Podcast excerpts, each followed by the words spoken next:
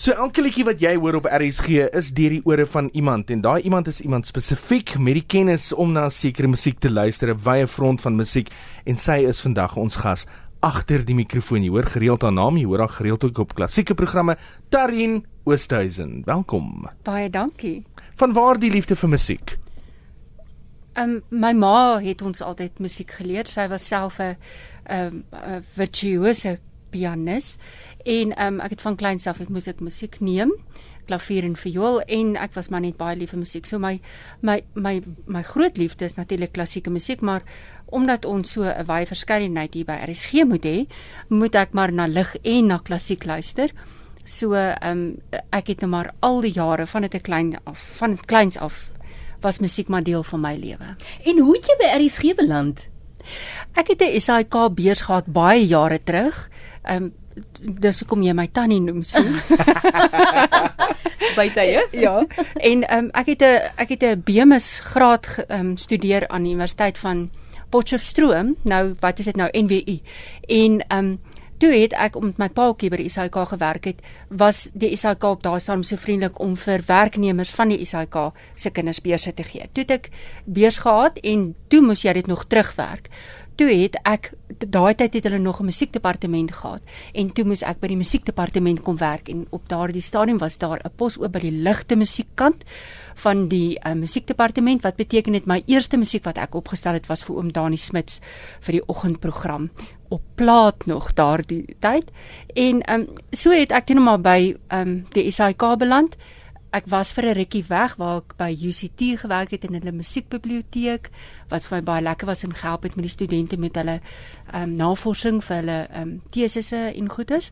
En toe het ek vir 'n ruk musiek gegee by skole en ek het 'n rukkie by 'n videomaatskappy gewerk wat ek hulle ehm um, videoteek vir hulle help opbou het. En toe op 'n stadium toe het daar weer 'n posie by by die SAK oopgegaan by RSG as 'n tegniese persoon. Nou ja, gelukkig vir my liewe pa, het wat my baie goed tegnies aangelê geleer het en al daai goeters, het ek toe nou weer die pos gekry en toe was ek eers die ateljeebestuurder, dit wat Johan Pieterse nou doen.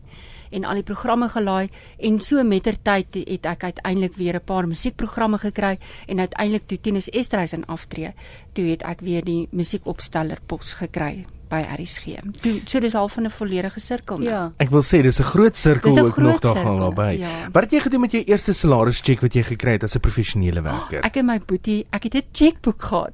Ek en my boetie wat op daar staan by my gebly het, het ehm um, hy was toe op universiteit hier by UJ. Ons het by die Spur gaan gaan eet en ek het die cheque uitgeskryf. Ek dink dit was R75.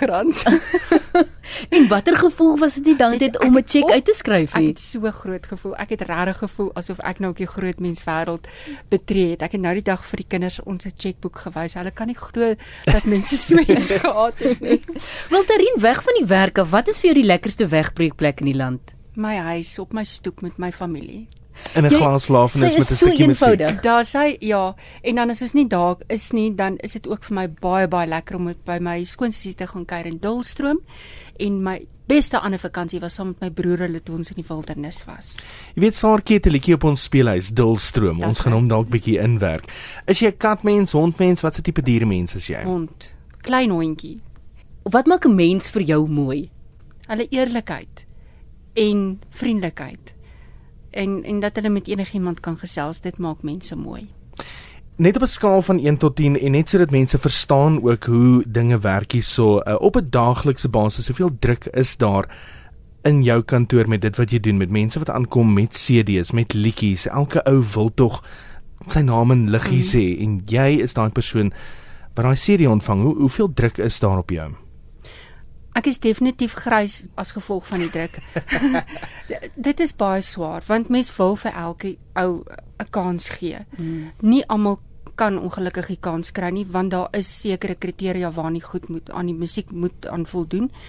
En ehm um, die mense kan nogal 'n bietjie persoonlik raak in daai opsig. Ek probeer regtig my bes om sodra ek 'n e-pos kry dit dadelik te antwoord en so so eerlik as moontlik sonder om mense in die gesig te vat te wees as hulle hulle musiek stuur en dit kom nie op die speelhuis nie.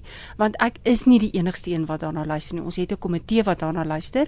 En dan moet ek ook sê ons kry nie altyd die series nie. So ek kan nie op 'n serie gaan luister as hierdie een liedjie nie werk nie. Maybe kan daar 'n ander liedjie werk nie. Ons kry 'n digitale single soos wat hulle dit deesdae noem. En dis al wat ek het, dis al waarop ek kan werk. Hmm. En as dit nie by die klank van RSG pas nie, ongelukkig is my hande dan afgekap. Kom ons kyk hoe vinnig antwoord sy jou e-pos nou Tarin by rsg.co.za, maar op 'n ernstiger noot. Ek gaan eers met vakansie, né? op 'n ernstiger noot Tarin, wie inspireer jou as mens? My ouers. My ouers definitief en ook die absolute kinderlike onskuldigheid van my kinders en my man se ondersteuning is vir my die beste ding wat daar kan wees en wat my definitief inspireer na iets beter agter die mikrofoon Tarin, dankie vir die harde werk wat jy insit. Dankie vir julle twee.